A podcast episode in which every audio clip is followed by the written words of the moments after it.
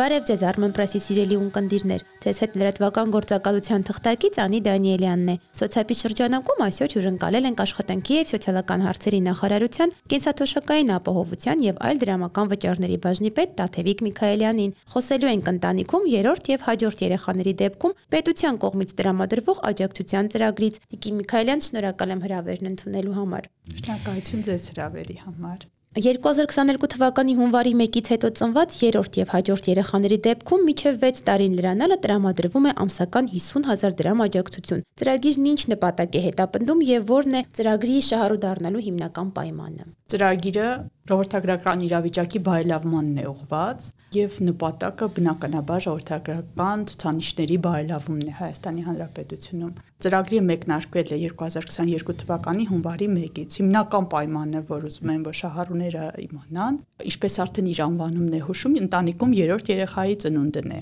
Ուրեմն պայմանը բացի նրանից, որ երեխան ընտանիքում պետք է ծնվի երրորդ երեխա, երեխան պետք է ծնված լինի 2022 թվականի հունվարի 1-ին եւ դրանից հետո։ Մյուս գլխավոր պայմաններից է, որ երեխան, ինչպես նոր ծնված երեխան, այնպես էլ ընտանիքում մյուս երեխաները պետք է Հայաստանի Հանրապետությունում ունենան հաշվառում եւ դիմում ներկայացնելու օրվա դրությամբ պետք է երեխան, նոր ծնված երեխան եւ ծնողում պետք է նշանակվի դրամական աջակցությունը գտնվեն Հայաստանի Հանրապետությունում։ Սա ամենակարևոր պայմանն է, որի շրջանակներում նշանակվում է այս աջակցության այս տեսակը։ Եվ մինչ այսօր քանի մարդ է օգտվել աջակցությունից։ Ուրեմն այս պահի դրությամբ իմ ունեցած տվյալներով, այսօրվա ունեցած տվյալներով 1980 ծնողի նշանակվել է դրամական աջակցություն 50000 դրամի չափով եւ ունենք այս պահին ընթացքում 90 դիմումներ, որոնք դեռ պետք է կամ նշանակվեն կամ մեժվեն օրենսդրությամբ սահմանված կարգով, դիմում ներկայացնելուց հետո 10 աշխատանքային օրվա ընթացքում։ Ինչ եղանակով է տրվում գումարը, եղել են դեպքեր, երբ աջակցության տրամադրումը մերժվել է կամ դադարեցվել է եւ ինչ պատճառով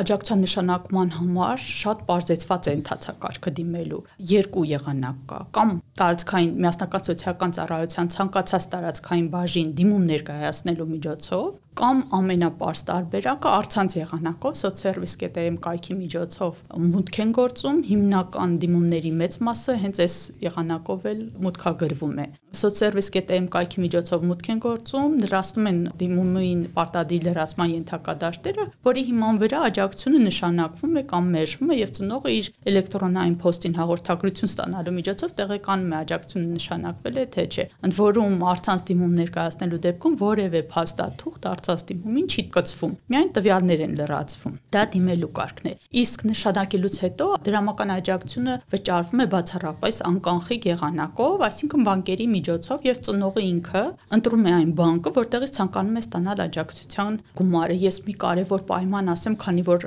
վճարատեսակը նոր է ես ուզում եմ որպեսզի մեր շահառու ծնողները իմանան որ տարեկան 1 անգամ նշանակումից առնվազն 12 ամիս հետո տարեկան 1 անգամ պետք է այցելել բանկ եւ հայտարարություն ստորագրել Հայաստանի Հանրապետություն լինելու մասին։ Հայտարարությունը չստորագրելու դեպքում վճարումը դադարեցվում է։ Իսկ վճարումը դադարելուց հետո ծնողը ունի 6 ամիս, որպիսի դիմի բանկ ստորագրի Հայաստանի Հանրապետությունում լինելու հայտարարությունը, որպիսի դրամական աջակցության վճարումը դադարեցնելու օրվանից վերսկսվի վճարումը։ Հակառակ դեպքում, եթե ծնողը բաց թողնի ժամկետները իմ նշած, վճարումը վերսկսվի արդեն նոր հիմունքներով դիմելու հաջորդող ամսվա 1-ից։ Եղել են նման դեպքեր։ Դե քանի որ տարեկան մեկ անգամը դեռ չի լրացել, առաջին նշանակումները սկսվել են փետրվարի 1-ից, դե տարեկան որ գա արդեն հաջորդ տարվա փետրվարի 1-ը արդեն կհասկանանք վիճակագրությունը այս առումով։ Ազդում է արդյոք այս աջակցությունը երեխայի ծննդյան միանվագ վճարի կամ երեխայի միջև 2 տարի լրանալը տրվող խնամքի նպաստի վրա։ Ուրեմն երեխայի ծննդյան,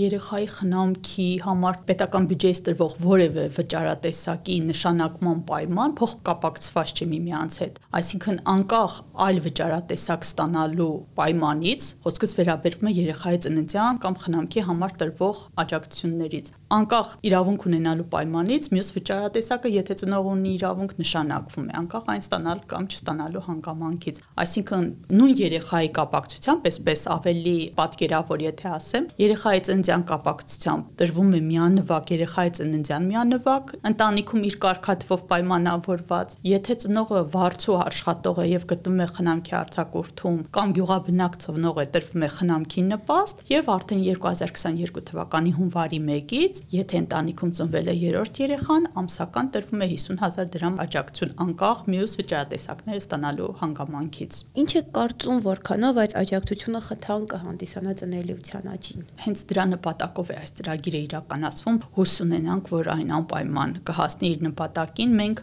մեր պատկերացումներում, նախարարության պատկերացումներում ակնկալիք կա, որ տարեկան առնվազն 8%-ի անդրադարձ կունենա եւ գնահատականներ իհարկե հիմա տալը շատ վաղ է, որովհետեւ նոր է սկսվել մի քանի ամսվա հունվարից սկսած է ծրագիրը գործում եւ առաջին գնահատականները հնարավոր կլինի տալ առնվազն 1 տարին լրանալու դեպքում, բայց մենք հուսով ենք, որ կհասնենք մեր նպատակադրած ցուցանիշներին։ Եվ մինչև որ թվականը կգործի ծրագիրը։ Տեսեք, դրամական աջակցությունը նշանակվում է 2022 թվականի հունվարի 1-ին եւ դրանից հետո ծնված երեխաների մինչև 26 թվականի դեկտեմբերի 31-ը ծնված երեխաներին, այսինքն մինչև երեխայի 6 տարեկանն լրանալ են որում։ Այսինքն մինչև 26 թվականի դեկտեմբերին ծնված երեխան կստանա մինչև իր 6 տարեկանը լրանալը դրամական աջակցություն։ Իսկ շարունակվի արդյոք 26 թվականից հետո այս ծրագիրը թե չէ, դա արդեն ցույց կտան մեր ցուցանիշները, այսինքն կհասկանանք որքան ազդեցություն է ունեցել օրթագրական իրավիճակի վրա, որքանով է բարելավել այդ իրավիճակը եւ ըստ այդմ կտրվի շարունակելու հարցին պատասխան։ Շնորհակալ եմ հաճելի զրույցի համար։ Շնորհակալություն ձեզ հրավերի համար։